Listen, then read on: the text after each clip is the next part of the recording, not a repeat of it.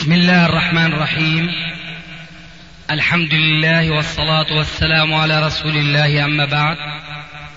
فهذا أحد أشرطة سلسلة الهدى والنور من الدروس العلمية والفتاوى الشرعية لشيخنا المحدث العلامة محمد ناصر الدين الألباني حفظه الله ونفع به الجميع. قام بتسجيلها والتأليف بينها محمد بن أحمد أبو ليلى الأثري. إخوة الإيمان والآن مع الشريط الثاني والأربعين بعد المئة الخامسة على واحد. حمزة بن عبد المطلب. ماذا فعل حمزة؟ آه، بقر ناقة آه، علي.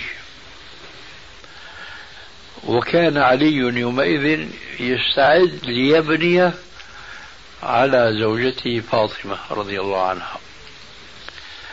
كان برك ناقته أمام منزل أحد الأنصار اجتمع فيه بعض الأصحاب في زمن كان الخمر بعد لم يحرم.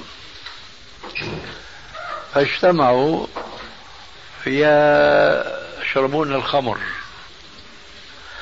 وهناك جارية تغني وتحمسهم وكانت من تحميسها خصت حمزة بالبطولة والشجاعة والقوة فما كان منه إلا وهو مخمور إلا خرج إلى ناقة علي وهي باركة أمام المنزل فبقر بطنها لما جاء علي وجد هذه المأساة فذهب شاكيا إلى الرسول عليه السلام أنه حمزة فعل معي هكذا. جاء الرسول مسرعا ودخل فكلم حمزة فغضب حمزة وقال انظر الآن ماذا فعل. قال حمزة للنبي هل أنتم يخاطب الرسول هل أنتم إلا عبيد لآبائي؟ هذا هو الكفر بعينه الرسول ما حكى شيء. هذا اسمه إقرار لكن هذا إقرار في وضع خاص مخمور والخمر لم تحرم بعد. ثم جاء التحريم كما نعلم على طريق التدرج في القرآن وفي السنة. قد يكون الإقرار لحكم جائز لكن ما يكون عندنا نص بأن هذا الإقرار كان باطلاع الرسول عليه وإنما كان في عهد الرسول عليه السلام. وهنا المسألة تختلف. في حديث في السنن من حديث ابن عمر قال كنا نأكل ونحن نمشي ونشرب ونحن قيام في عهد الرسول. كنا آه، نشرب ونحن قيام ونأكل ونحن نمشي في عهد الرسول عليه الصلاة والسلام. فهنا ذكر شيئين ونسبهما إلى عهد الرسول. لكن ليس فيه تصريح أن الرسول اطلع.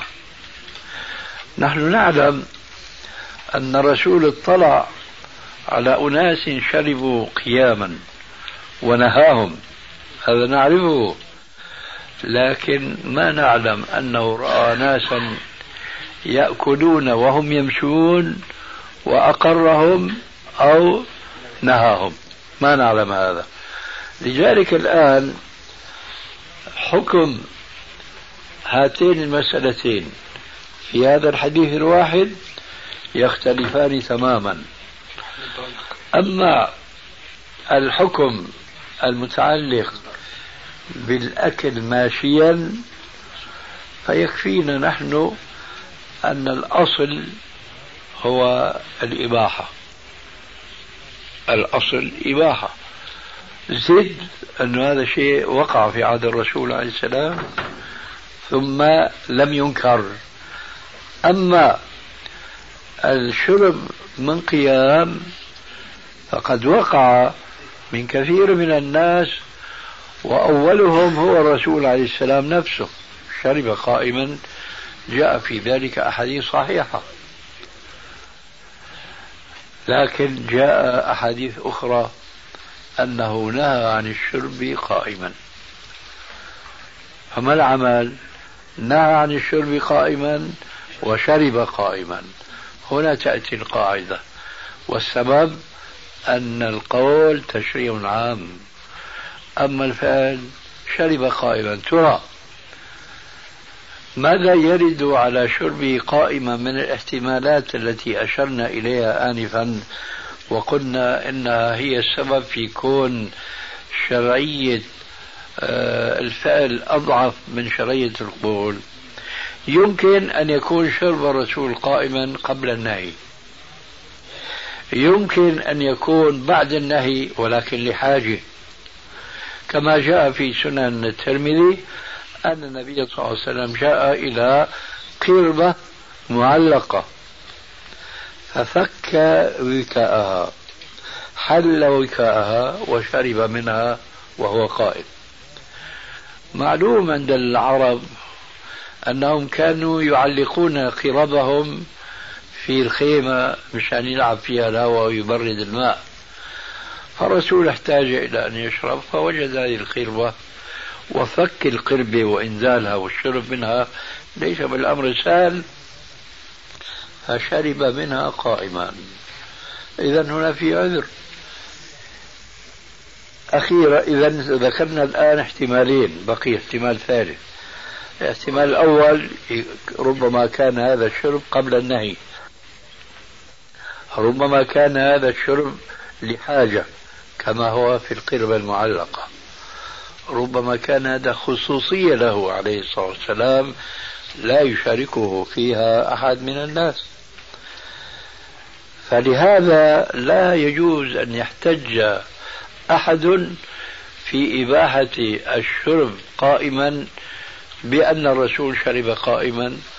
ذلك لأنه نهى عن هذا الشيء الذي فعلا صدر منه وفعله يحتمل احتمالا من تلك الاحتمالات الثلاث وبخاصة أن القول الذي فيه النهي عن الشرب قد اقترن في بعض الأحاديث بتعليل لا يمكن أن يكون منسوخا أو أن يكون الحكم مكروها فقط ألا وهو أن النبي صلى الله عليه وسلم قال لمن رآه شرب قائما قال له يا فلان أترضى أن يشرب معك الهر؟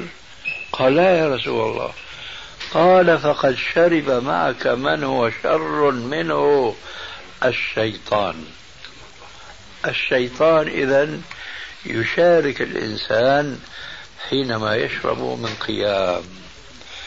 ثم أكد عليه السلام هذا الأمر بأنه ليس للكراهة التنزيهية بل أكد أنها للتحريم حينما قال له قئ أي أفرغ هذا الماء الذي شربته قائما. خلاصة الكلام لهذه الأسباب قال علماء الأصول أنه إذا تعارض قوله صلى الله عليه وسلم مع فعله قدم قوله على فعله لأن الفعل يعتبره ويحيط به عدة احتمالات أما القول فشريعة عامة. غيره. ما صحة الأثر المروي عن الزهري؟ مضت السنة ألا تقبل شهادة النساء في الحدود. ألا تقبل إيش؟ شهادة النساء أو شهادة النساء في الحدود. أيوة. وإذا لم يصح عنه أو صح ما مدى صحة معنى هذا القول؟ أن أن لا تقبل شهادة النساء. هذا سؤال دقيق وليس عندي جواب حاضر الآن. لسه ما خلصنا من الجبهة. تفضل. تفضل. ما حكم القتال في أفغانستان في جبهة؟ يعني الأفغانيون يفعلون بدع شركية. مع أن العرب الذين يذهبون للجهاد يقاتلون يعني في مكان منفصل لكن هناك تنسيق في العمليات. هناك تنسيق؟ يعني في نفس المكان يعني. لكن العرب يعني في موقع قريب لكن ينسقون. أنا أعتقد أن العرب إذا ذهبوا إلى الأفغان فهم يتلبسون أو يجب عليهم أن يتلبسوا بجهادين لا يتسنى لهم أن يقوموا بهما في عقر دارهم. الجهاد الأول هو اشتراكهم مع المسلمين الأفغانيين في مقاتلة الملاحدة الشيوعيين. الجهاد الآخر أن يبلغوا دعوة الله إلى هؤلاء الأفغان الأعاجم الذين ابتعدوا بسبب عجمتهم وجهل علمائهم بالتوحيد الذي أنزله الله على قلب محمد عليه الصلاة والسلام.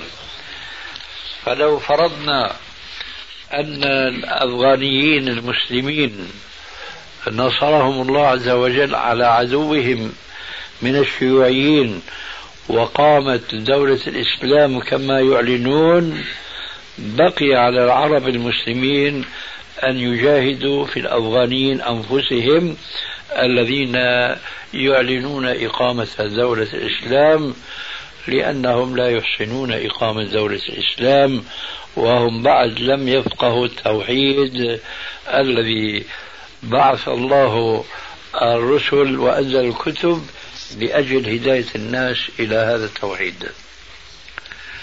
ولهذا نحن نقول في هذه البلاد العربية لأهل اللغة العربية إنكم لا تستفيدون شيئا مطلقا من اهتمامكم ومن الإكثار من هتافاتكم بإقامة الدولة المسلمة ما لم تدرسوا الإسلام دراسة علمية صحيحة وتبثوا هذه الدراسة في الأمة في الشعب المسلم حتى يكون مسلما حقا. فإذا ما مكنكم الله عز وجل من تحكيم الإسلام يكون الشعب مستعدا لتقبل هذا الإسلام ولتنفيذه وجعله آه، حاكما عمليا. أما والإسلام بعيد والمسلمون بعيدون عن فهم هذا الإسلام فهما صحيحا فهم سوف ينكر ينكرون الإسلام ويرفضون الإسلام حينما يفرض عليهم فرضا لأنهم يجدون أنفسهم غريبين عن هذا الإسلام. هناك نكتة سورية تروى وهي زعموا بأن رجلا من الأكراد يضرب المثل عندنا في سوريا أن رجل كردي يبقى متحمس للإسلام من جهة ولكنه لا يعرف من الإسلام شيئا. فينكتون ويقولون بأن رجلا كرديا لقي يهوديا في الطريق. والكراد رجال شجاع مثل الأفغان وبيقوا مسلح بالخنجر. لما لقي اليهودي في الطريق أخرج الخنجر من جيبه وقال ولد أسلم ولا قتلتك. قال دخلك ماذا أقول؟ قال لا أدري. هذه نكتة طبعا مش ضروري تكون واقعة. والآن نحن ننادي بالإسلام ونريد تطبيق الإسلام أعز شيء في الإسلام لا يزال مجهولا لدى جماهير المسلمين ألا وهو التوحيد. كيف نريد أن نقيم الإسلام؟ ثم يظهر هذا الجهل في كتابات مثقفين يصرحون بأنه نحن إذا استلمنا الحكم لا يجوز لنا أن نطبق الأحكام الشرعية فورا. ما بيجوز رأسا نعلن اللي بيسرق تقطع يده هذه بإذنه إن كان محصنا رجم وإن كان غير محصن جلد مئة جلدة. لا هذه تؤجل. لماذا يقولون هكذا؟ أنا بعطيهم عذر ولا أعطيهم عذر بعطيهم عذر لأنه شايفين المجتمع ما عنده استعداد لتقبل هذه الأحكام الشرعية. ما بعطيهم عذر لأنه هن ما عم يربوا الشعب ما بيعلموه كيف بدهم يعلموا؟ بدهم يقيموا دولة إسلام بعدين يفرضوا الإسلام إما بالقوة وحينئذ سينقض عليهم الشعب وإما إسلام اسم بدون جسم. وهذه كما يقال أحلاهما مر فإذا واجب العرب أن يذهبوا للجهاد هناك للجهادين معا. غير عندك شيء؟ بسم الله الرحمن الرحيم. فضيلة الشيخ عندي سؤالان في العقيدة وسؤالان في الأحكام. السؤال الأول في العقيدة قضية استواء الله على عرشه. هل تعني أن الله مستقر بذاته على العرش؟ لا يجوز استعمال ألفاظ لم ترد في الشرع. لا يجوز أن يوصف الله بأنه مستقر. لأن الاستقرار أولا صفة بشرية ثانيا لم يوصف بها ربنا عز وجل. حتى نقول استقرار يليق بجلاله وكماله كما نقول في الاستواء. فنحن لا نصف الله إلا بما وصف به نفسه. ثم مقرونا مع التنزيه. ليس كمثله شيء وهو السميع البصير. هذا الجواب عن السؤال الأول. نعم. السؤال الثاني بعض الناس عندما يستغرب من شيء يقول بشرف الله. فهل هذا الشيء يجوز؟ وهل يعتبر هذا من باب التجسيد وصف الله بما لا يليق به سبحانه؟ لا يجوز يعود نفس الكلام السابق. لا يجوز أن يوصف ربنا إلا بما وصف به نفسه. ولو كانت هذه الصفة في عرف الناس صفة تشريف وتبجيل وتقديس فما دام أن هذه الصفة لم ترد في الكتاب ولا في السنة فلا يجوز أن يوصف الله عز وجل بذلك. لقد ذكر العلماء أن الله عز وجل يوصف بأنه كريم لكنه لا يوصف بأنه سخي. والسخاء في اللغة العربية ربما وأعني ما أقول ربما يكون بمعنى الكرم. وأقول ذلك متحفظا لأن بعض الفقهاء في اللغة قد يفرقون بين لفظين مترادفين عند عامة الناس كأمثالنا في اللغة. ولكن قد يكون الأمر في كثير من الأحيان لا فرق في اللغة. بين لفظين مترادفين.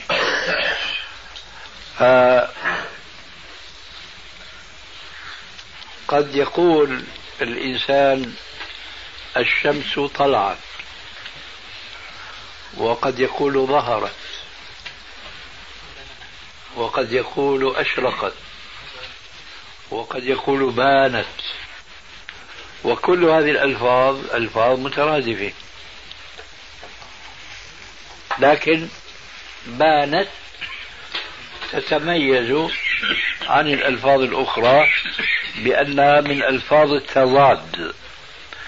فيقال في اللغة إذا أشرقت الشمس بانت الشمس وإذا غربت الشمس أيضا يقال بانت الشمس. لفظان مترادفان. ولهذا أمثلة كثيرة في اللغة يقال رجل جليل. أي عظيم. ويقال رجل جليل أي حقير. السياق والسباق هو الذي يخصص المراد من اللفظ الذي له معنيان متقابلان. الخلاصة. ربنا عز وجل لا يوصف بأنه شريف أو بأن له شرفا لأن هذه صفة لم ترد كما قلنا في الشرع. يعني من يقول هذا نقول له هذا لا يجوز. طبعا نحن لكن هل نقول له لا يجوز؟ وهو يمكن لا يؤمن بالله من أصله. المسألة هنا قضية أخرى. يعني تدخل في في سياسة الدعوة. أما أنه هذا لا يجوز لا يجوز. تفضل. شيخنا نفس السؤال. لو إنسان قال مثلا مثل هذا اللفظ لكن قاصد اليمين. فهل نرتب عليه حكم اليمين أم لأنه حلف حلفا غير شرعي؟ لا نرتب عليه حكم اليمين. أيوه. قال مثلا بشرف الله. أي نعم. فيما يبدو لي والله أعلم نرتب عليه لأن الأعمال بالنيات. مقاصد. أي نعم. لكن نحن نصحح له لفظه. نعم. السؤال الثالث حديث داووا مرضاكم بالصدقة. نعم. في بعض كتبكم أنكم حسنتم الأحاديث أو الحديث وفي بعض الآخر كأني قرأت أنكم تقولون عنه أنه ضعيف. نريد الجزم في هذه المسألة هل هو صح؟ حسن أم هو ضعيف؟ إذا عرفت أنه حسن لغيره صح الجم بين التضعيف والتحسين.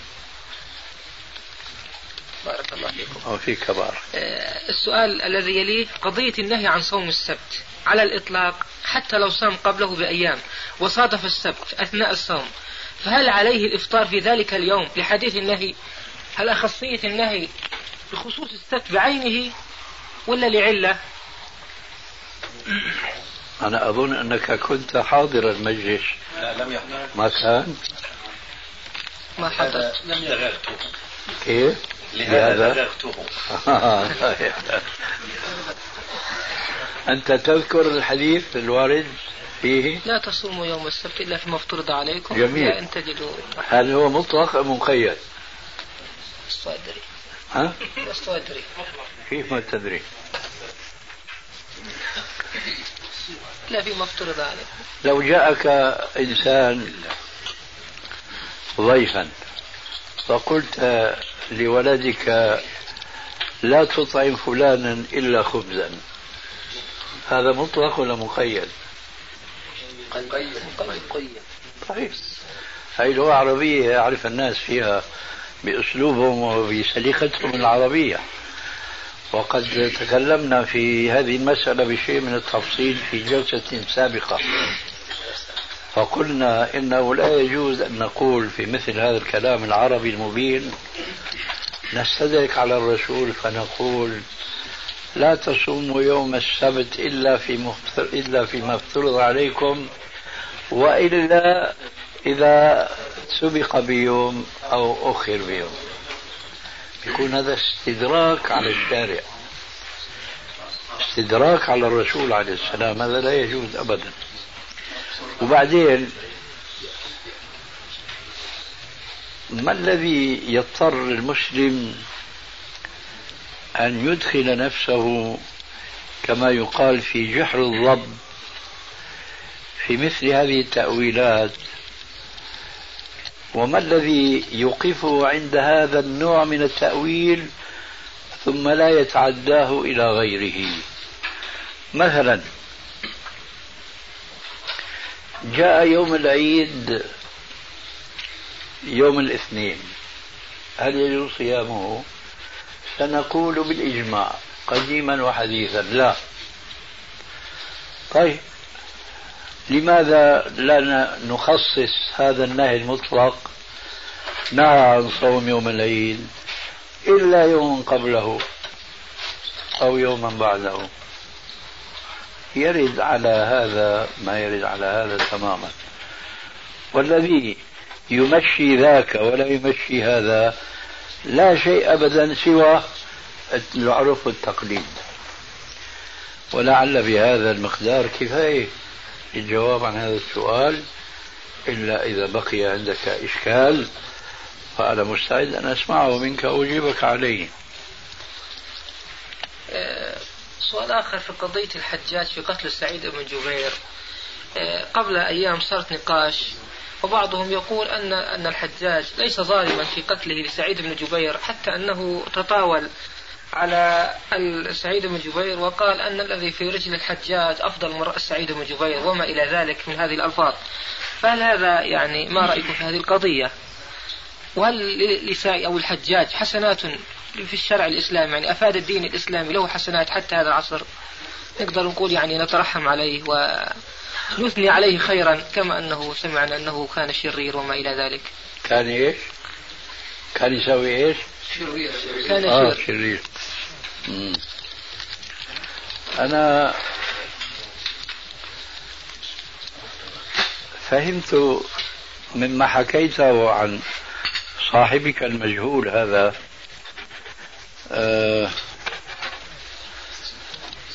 بأنه يقول أن قتل الحجاج لسعيد بن جبير رحمه الله ليس ظلما.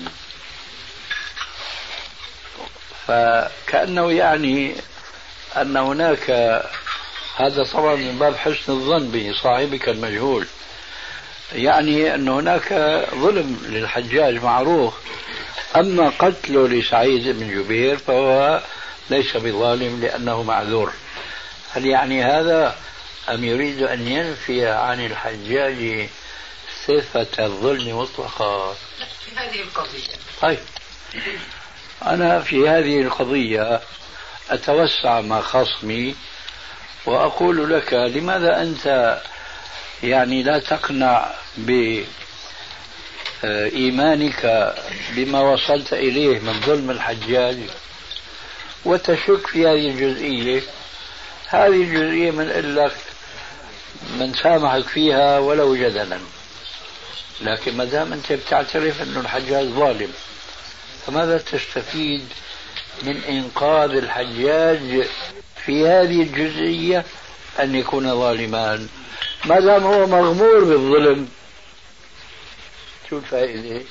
حينئذ أنا بقول مناقشة هؤلاء الناس في مثل هذه الجزئيات لا يكون لها حصيلة مذكورة عفوا يا شيخ هو ال- الذي يناقش ليس إنسان جاهل إنسان متعلم ويقول لك أنا مؤلف كتاب في في قضية الحجاج وقضية هذه القضية إيه،. أنا هيك تصورت. الأدلة على أنه كذا وكذا أنا هيك تصورت لكن سألتك وأجبت هل يعتقد بأن الحجاج ظالم ولا لا؟ أجبتني بنعم حسب ظني أنا أما لا أدري. إيه، فحينئذ أنا لو كنت مقامك لا أبحث مع موضوع سعيد بن جبير. ببحث معه قضايا ثانية. الحجاج كونه ظالم أمر مقطوع به يضرب به المثل ولا يجوز الشك في ذلك لأنه الشك في البدايات وحسبنا شهادة أسماء بنت أبي بكر أنها آه، طبقت عليه حديث الرسول بأنه ظالم بير أليس كذلك؟ آه. فه... إذا هذا الوصف يلزمه سواء سلمنا له بأن قتله لسعيد لم يكن فيه ظالما أو ما سلمنا له. ولذلك فالبحث في جزئية مع الإيمان بالكلية ما يكون له يعني فائدة تذكر. في إشكال حول مسألة صيام يوم السبت ما طرق في المجلس السابق لكن قبله أحب أن أذكر كلمة الإمام الذهبي شيخنا في ترجمة الحجاج من السير. كويس. سير أعلام النبلاء يقول له حسنات مغمورة في بحر سيئاته. نسبه ولا نحبه. هذه ختم الذهبي فيها ترجمة الحجاج. آه، بالنسبة للإشكال شيخنا حديث آه، النبي عليه الصلاة والسلام وقد صححتموه فيما أذكر أنه مر على رجل آه، صام السبت فقال له أصمت أمس قال لا فقال له صيام السبت لا لك ولا عليك. فيعني ما هو التوجيه لهذا الحديث الذي يفهم منه إقرار النبي عليه الصلاة والسلام له بال- بالجمع دون الإفراد. الجواب الجواب في كلام الرسول عليه السلام. نعم. لا لك ولا عليك. الصيام هذا عبادة أم ليس بعبادة عند من يصومه؟ عبادة. عبادة بلا شك. طيب. إذا كان إنسان تعبد الله بشيء لا يؤجر عليه هل يكون متشرعا؟ لا. عبث. طيب. هذا تماما كنت أنا مر معي هذا الحديث وألقي في نفسي الجواب عنه فورا. مثل من صام الدهر فلا صام ولا أفطر. من صام الدهر فلا صام ولا أفطر. هل يجوز صيام الدهر؟ لا يجوز. لا يجوز وهذا كذلك. لكن شيخنا الذي يعني يطرح هذا الإشكال يقول ورود قول النبي عليه الصلاة والسلام لأنه أفرد لأنه أفرده. لكن لو أنه صام من صام الدهر فلا صام ولا أفطر. هل يجوز صيام الدهر؟ لا يجوز. لا يجوز وهذا كذلك. لكن شيخنا الذي يعني يطرح هذا الإشكال يقول ورود قول النبي عليه الصلاة والسلام لأنه أفرد لأنه أفرده. لكن لو أنه صام قبله بيوم لما قال هذه الكلمة؟ كيف يعني؟ يعني النبي عليه الصلاة والسلام قبل أن يقول له هذه الكلمة قال له أصمت أمس قال لا. فقال له صيام السبت لا لك ولا عليك. أنا جوابي عن الجملة هذه صيام السبت. نعم مفهوم شيخنا تمام. طيب. لكن القصد إنه هذه الجملة صدرت من النبي عليه الصلاة والسلام عقب جواب الصائم أنه ما صام بالأمس أو أمس. فبالتالي قال له لا لك ولا عليك. لكن لو أنه قال صوم صام بالأمس يعني طبعا فيما يقول هذا المعترض فهمت أنا, فهمت أنا عليك الآن. هذا هو. إيه لكن هذا معروف في صيام يوم الجمعة. في صيام يوم السبت في هيك حديث؟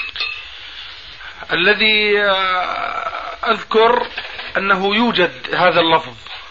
إيه، حينئذ يعني لكن طبعا غير جزم ما معلش حقيقة. معلش إيه، حينئذ يؤجل البحث حينما تجد ذلك. نعم. أنا في حدود ما قرأت وبحثت وتذكر معي أني ذكرت لي هذا الحديث عدة طرق في كتاب الإرواء. نعم. أنا لا أذكر أنه هذا قاله بمناسبة صيام يوم السبت.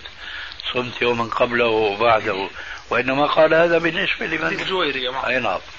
فإذا وجدت إن شاء الله في مناسبة أخرى ترينا النص ونتثبت أولا نعم. أولا من وجوده ثانية إن وجد إن وجد من ثبوته. وحينئذ لكل حادث حديث. الساعة تسعة وثلث. آه طيب هون تفضل.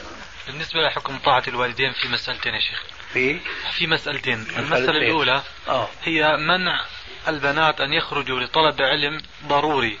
ألزم الشرع أن يتعلموه. فعصت البنت والدها وخرجت. فما حكم هذه البنت؟ عاصية. ما يعني ما يجبرها المعصية أو يخففها أنها خرجت لطلب علم شرعي ما تستطيع والدها يعلمها سؤالك بالتخفيف. أصبر. سؤالك الآن حاد عن السؤال الأول. فإذا انتهى السؤال لرأي والدها فهي بلا شك عاصية لوالدها لأن هذا العلم الذي خرجت في طلبه ليس فرض عين عليها.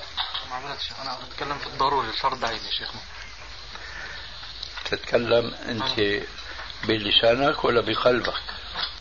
قلت ضروري أنا يا شيخ. وين؟ طيب خلينا بقى نقف عند الضروري. أنا بجوز ما انتبه خرجت لطلب العلم علم ضروري. أين هذا العلم الضروري بالنسبة للبنت في المسجد يا شيخ. في المسجد؟ نعم. من الذي يدرس في المسجد؟ رجل يعني طالب علم عنده علم بالكتاب والسنة. أي فيها شيء طيب. هذا العلم هو بالذات فرض عين؟ نعم يا شيخنا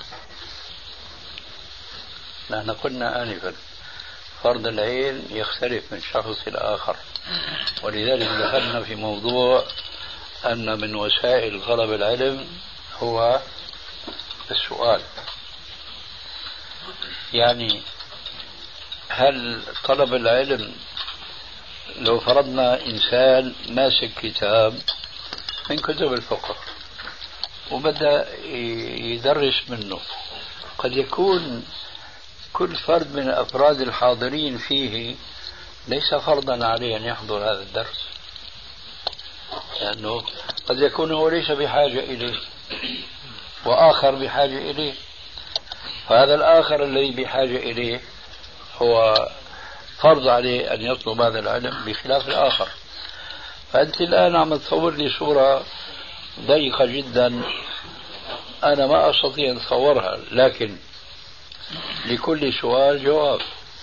إذا أنت بتحدد الآن سؤالك وبتقول فتاة تخرج بدون إذن زوجها لطلب علم فرض عين عليها نقول حينئذ هي ليست عاصية. أما تلي ضروري والضرورة تقدر بقدرها وبصير فيها تأويل الكلام كثير هذا صعب الجواب عليه. لكن إذا قلت أنه خرجت بدون إذن أبيها لطلب علم شرعي هو فرض عين عليها فبنقول هذا ليس إثما بل لا يجوز لها أن تطيع والدها في ترك تحصيل هذا العلم العيني عليها. القسم الثاني يا شيخ. نعم. والد تارك للصلاة ويريد إجبار بنته آه، الملتزمة بالدين على الزواج أيضا من رجل تارك صلاة. فقامت البنت بمعصية والدها وخرجت من البيت وتزوجت رجل آه، بموافقة ولي يعني أمر المسلمين في تلك المنطقة من رجل ملتزم. فما حكم هذا الزواج؟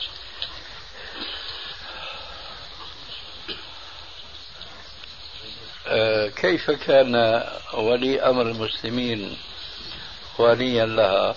إذا عرفنا الصورة ممكن أن نجيب. الصورة في بريطانيا شيخنا. ما شاء الله. ولي أمر المسلمين في بريطانيا. هناك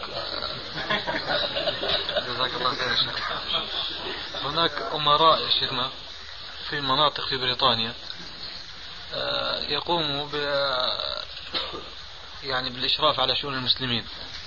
من خلال المراكز الإسلامية عقود زواج الوفاة مثل هذه الأمور. فتزوجت عن طريق هذا الرجل. ورفضت الزواج عن طريق والدها تارك الصلاة من رجل تارك صلاة. هذا الرفض نحن نستحبه ونوجبه لكن تبقى المشكلة الأخرى. بدون أن تتزوج بدون إذن وليها. والرسول عليه السلام يقول فإن استجروا فالسلطان ولي من لا ولي له. فحينئذ نحن بدنا نشوف ولي المسلمين اللي عبرت أنت وراح ذهني يدور وين هذا ولي المسلمين؟ في أنه بلد وإذا هو في بريطانيا. فهذون بقى هناك اللي ناصبين أنفسهم أمراء. في اعتقادك وعلماء. هم طلاب علم يا شيخ. لا بعلم. لأنه هناك تعرف العلماء يعني غير موجودين. آه. أنا في هذه الحالة أقول يجب على الفتاة المسلمة أن تسأل من تثق بعلمها تعرض قصتها على ذاك العالم سواء كان في الشرق أو في الغرب. وشو الحل عندك؟ والدي يريد أن أتزوج برجل كافر أو على الأقل فاسق. وقد خطبني شخص متدين ملتزم إلى آخره. فماذا أفعل؟ فهذا العالم الذي هو عالم وهو من أولي الأمر بنص القرآن الكريم ممكن أن يبيح لها حينئذ أن تتزوج. أنا أخشى من هؤلاء الذين أنت عبرت عنهم بالكلمة الضخمة هذه أولا ثم نزلت قليلا إلى القول بأنهم أمراء وهؤلاء أمراء نصبوا أنفسهم وما أحد نصبهم. وهذه ترتب من ورائها مفاسد وفتن. وأنا على مثل اليقين أنهم يتكلمون في كثير من المسائل تقع لهم هناك بغير علم لأنهم كما قلت طلاب علم. وشو طلاب علم؟ شو محصلين من العلم؟ يمكن آخذ شهادة بكالوريا أو آخذ شهادة دكتوراه في بعض العلوم ثم جلس هناك في بلاد الغربة وبلاد الكفر يوسع معلوماته شوية. فالمهم يعني المسألة تحتاج إلى تحفظ يعني والتورع وعدم تسرع في في أنه خلصنا من مشكلة نقع في مشكلة أخرى. كما يقال كنا تحت المطر صرنا تحت المجرى فالوالد يأمرها بأن تتزوج بكافر أو فاسق. لا يجوز له لها أن تطيعه.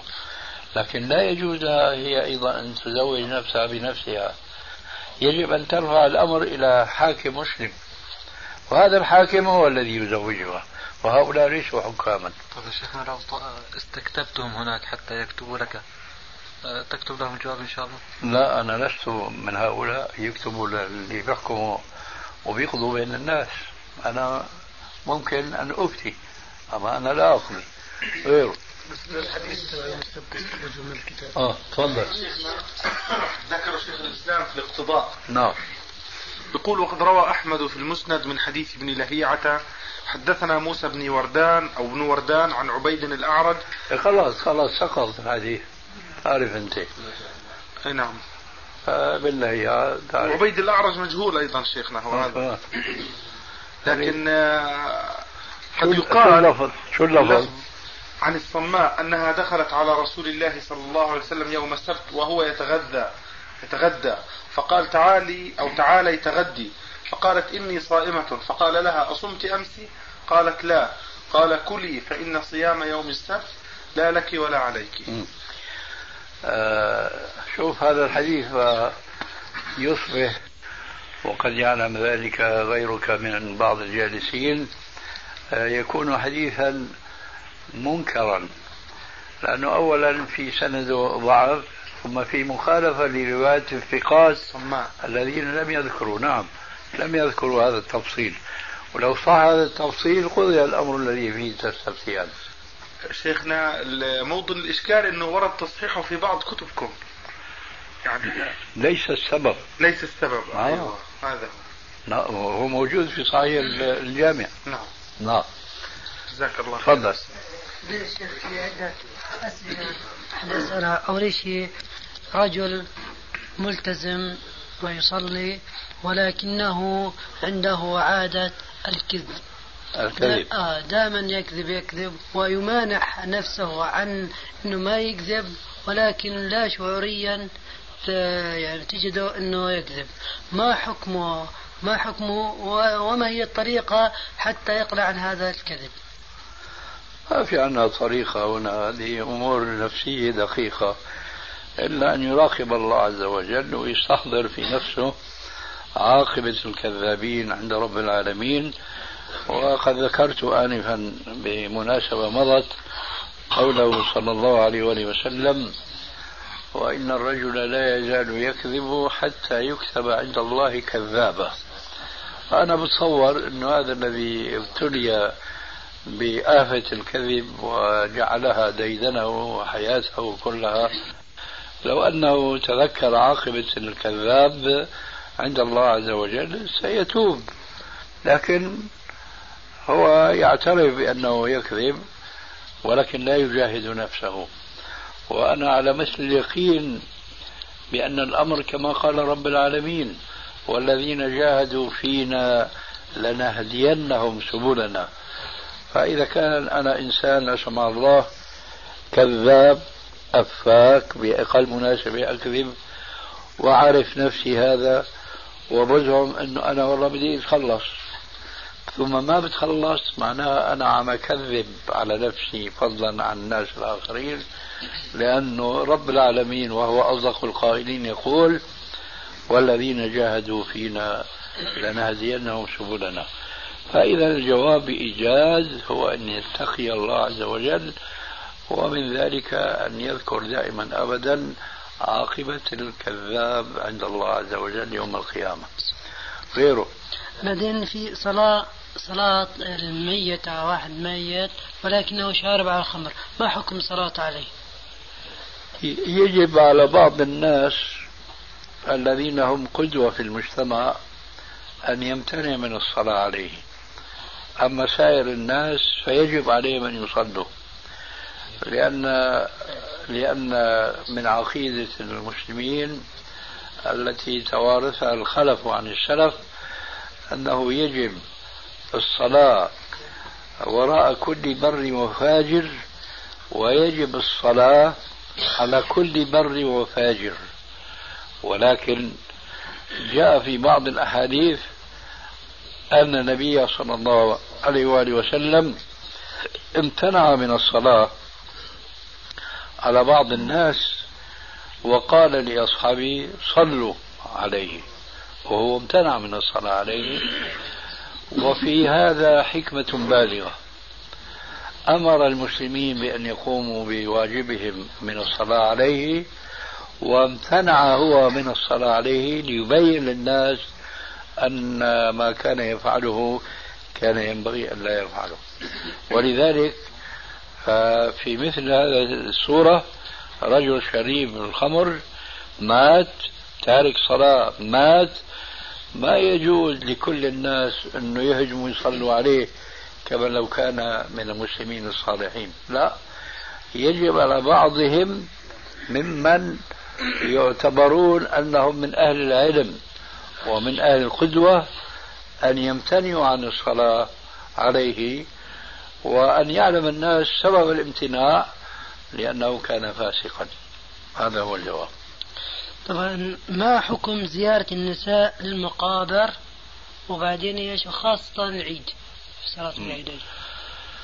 لا فرق عندنا بين النساء والرجال في شرعية زيارة المقابر. بالشرط المعروف للرجال فضلا عن النساء. شيخ الإسلام ابن تيمية رحمه الله يقسم الزيارة إلى قسمين زيارة شرعية وزيارة بدعية. الزيارة الشرعية هي التي يقصدها الزائر لقصد إلقاء السلام عليهم والاعتبار بموتهم. ليس إلا. أما الذهاب إلى المقبرة من أجل جلوس عند القبر وقراءة القرآن أو ختم قرآن هناك فضلا عن جلوس على الكراسي واتخاذ القبر هناك كأنه مقهى ونحو ذلك فهذا طبعا لا يجوز لا للرجال ولا للنساء. فالزيارة قسمان شرعية وبدعية. الزيارة الشرعية كما تشرع للرجال تشرع للنساء. الزيارة البدعية كما لا تشرع للنساء لا تشرع أيضا للرجال. المناط في الشرعية في الزيارة هو الشرعية. فمن زار من النساء أو الرجال المقابر لأجل فقط يعتبر هو ويلقي السلام على الميت لعله يستفيد هو هذه هي الزيارة الشرعية وإلا فلا السؤال الأخير السؤال الأخير. ما حكم آه، رجل له ابن تارك الصلاة؟ ويدعي إلى الصلاة يدعي الصلاة ولكن لا فائدة. قديش عمره؟ كبير. قديش عمره؟ يعني بالغ 18 19 18 إيه هذا أكيد أبوه لما كان عمره بدل 18 8 ما امره بالصلاة لأنه أبوه يمكن كان ما يصلي. والله أعلم. أو كان مصليا لكن كان مقصرا في تطبيق الأمر النبوي الكريم. مروا أولادكم بالصلاة وهم أبناء سبع واضربوهم عليها وهم أبناء عشر وفرقوا بينهم في المضاجع. أنا لا أكاد أتصور ابا وأما يقومان على تنشئة الولد وتربيته سواء كان ذكرا أو أنثى في حدود الأحكام الشرعية منها أن يأمروه بالصلاة وهو ابن سبعة بالتي أحسن. ابوه بيروح على الجامع بياخذه معه بيتعود على الصلاة بيتعود على الوضوء على الطهارة إلى آخره. يبلغ السن العاشره وهو لا يصلي. بيشتغل الضرب به. ولا تأخذه الأب والأم في ولده رأفة ولا رحمة له لأن الشرع أمره بذلك. فإذا ما بلغ هذا الولد سن الرجال سن التكليف صار بقى ما عاد بيمشي الحال في أمر ونهي. ليه؟ لأنه من قبل لم يؤمر ولم ينهى. ولذلك فنحن نصب اللوم كل اللوم على الآباء الذين يشكون من أولادهم بعد أن يبلغوا سن التكليف حيث لا أمر للوالد عليه. أي من ناحية شرعية أما من حيث الطاعة فيجب. فحينئذ يقال المثل العربي القديم في الصيف ضيعت اللبن. الآن بعد أن بلغ هذا السن 18 سنة وهو لا يصلي والله إذا ضربته بيضربك إذا قتلته بقتلك ولذلك أنت شاعر بهذا فما ما بتعمل شيء إلا لا حول ولا قوة إلا بالله. إلا أن تشكو الأمر إلى من تثق به من أصدقائك ولا فائدة. ليه؟ كان هذا الولد مثل الشتلة الغض الطرية زرعتها وبدأت إيش؟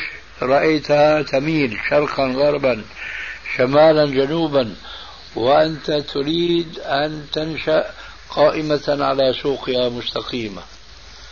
فتركتها وأهملتها. بينما كل ما شفتها على وجه شوي هيك بتجيبها هيك وهكذا لحتى تستقيم على الجادة كما تريد. حينئذ يطيب لك أن تنظر إليها وأن تتمتع بها سواء بنظر إليها أو بالأكل ثمارها أما بعد ما إيش؟ بلغت سن الاستقرار يمينا أو يسار نحو ذلك شلون بدنا نسوي بها الشجرة هاي؟ خلاص في الصيف ضيعت اللبن. المهم من ابتلي بمثل هذا الولد إن كان قام بواجب الأمر بالصلاة والضرب على الصلاة كما أمر الرسول عليه السلام فهو غير مؤاخذ عند الله عز وجل. ثم له مثل بنوح عليه السلام وابنه لعقه وقال له اركب معنا. قال سآوي إلى جبل يعصمني من الماء خلاصة بيكون هو معذور والمهم هو يكون خلص حاله من مخالفة الشرع. أما إذا كان هو في الحقيقة كما أعتقد هو اللي قصر وهو سبب ضلال الولد وعصيانه وعدم استجابته لأمر أبوه بالصلاة بعد ما بلغ السن سن 18 هذا الذي ينبغي. وأخيرا ليس له إلا أن يدعو الله عز وجل له بأن يهديه سواء السبيل. شيخنا هناك هل يجوز شراء الذهب بالعملة الورقية من غير ضرورة؟ لا. طب كيف للمسلمين الحصول على الذهب؟ أنت قلت من غير ضرورة. من غير ضرورة يريد أن ينمي ماله بالذهب لشراء الذهب. إيه وبعدين شو بيساوي بالذهب؟ بيبيعه. للحفاظ على ماله. بعدين بيبيعه يعني بيصير بيشتري ورق فيه. إذا احتاج إلى بيعه يبيعه. يا أخي نحن قلنا دائما وأبدا المتاجرة بالعملة الورقية سواء تشتري عملة ورقية بعملة ورقية أو تشتري بالعملة الورقية ذهبا. للمتاجرة لا يجوز.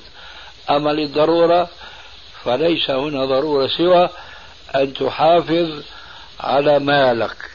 أنت شايف مثلا العملة الفلانية كل ما لها عم تنزل فخايف أنه تصير العملة هي كأي ورقة لا قيمة لها. فبتبادر وبتشتري الذهب. وبتحطه عندك فهذا يجوز. وكل ما احتجت لصرف من الذهب هذا مشان تنفق على نفسك وعيالك فعلت. هذا جائز. أما مو أنك تشتري الآن لأنه الذهب رخيص تشتريه وبعدين بالعكس تصير لما بيغلى بتبيعه هذه متاجرة هذه لا تجوز. ففي حدود الضرورة إن كنت تعني ما ذكرته آنفا فهو جائز تفضل. لدي سؤال من شقين أحيانا يأتي تأتي رواية الحديث الحديث يعني من طريقين مختلفين. يعني يكون اللفظ مختلف. هل يجوز الجمع بين الروايتين؟ مثلا؟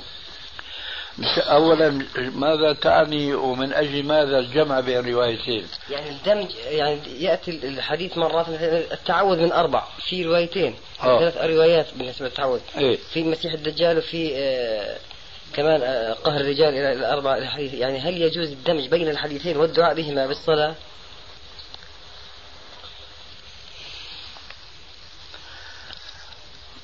إيه لسه ما وضح سؤالك لكن خلينا نمشي في الطريق. الحديثين اللي أنت عم تشير لهم أو هن مستقرين في ذهنك عن صحابي واحد ولا عن صحابيين؟ لا ال- ال- القصد مش ال- ال- الراوي المقصود به ال- ال- أسألك. المعنى المعنى. أسألك أجب أنت عن السؤال. فهمت سؤالي؟ لا. آه. لا لم أعرف آه، وأنا مثل حكايتك ها؟ أنا ما فهمت سؤالك ولذلك عم أحاول الآن أن أفهم عليك. طيب. فأنت اعتبر فيه. شلون أنا لما ما عرفت ما فهمت سؤالك سألتك هذا السؤال. حسيت أنك أنت بدأت ما تجاوب عن سؤالي. فاضطريت أني أسألك فهمت سؤالي؟ قلت لي لا. وبقول لك مرحب ليش حكيت بصراحة. الآن سؤالي. هل حديثين اللي أنت عم تتحدث عنهم هن لهم صورة في ذهنك.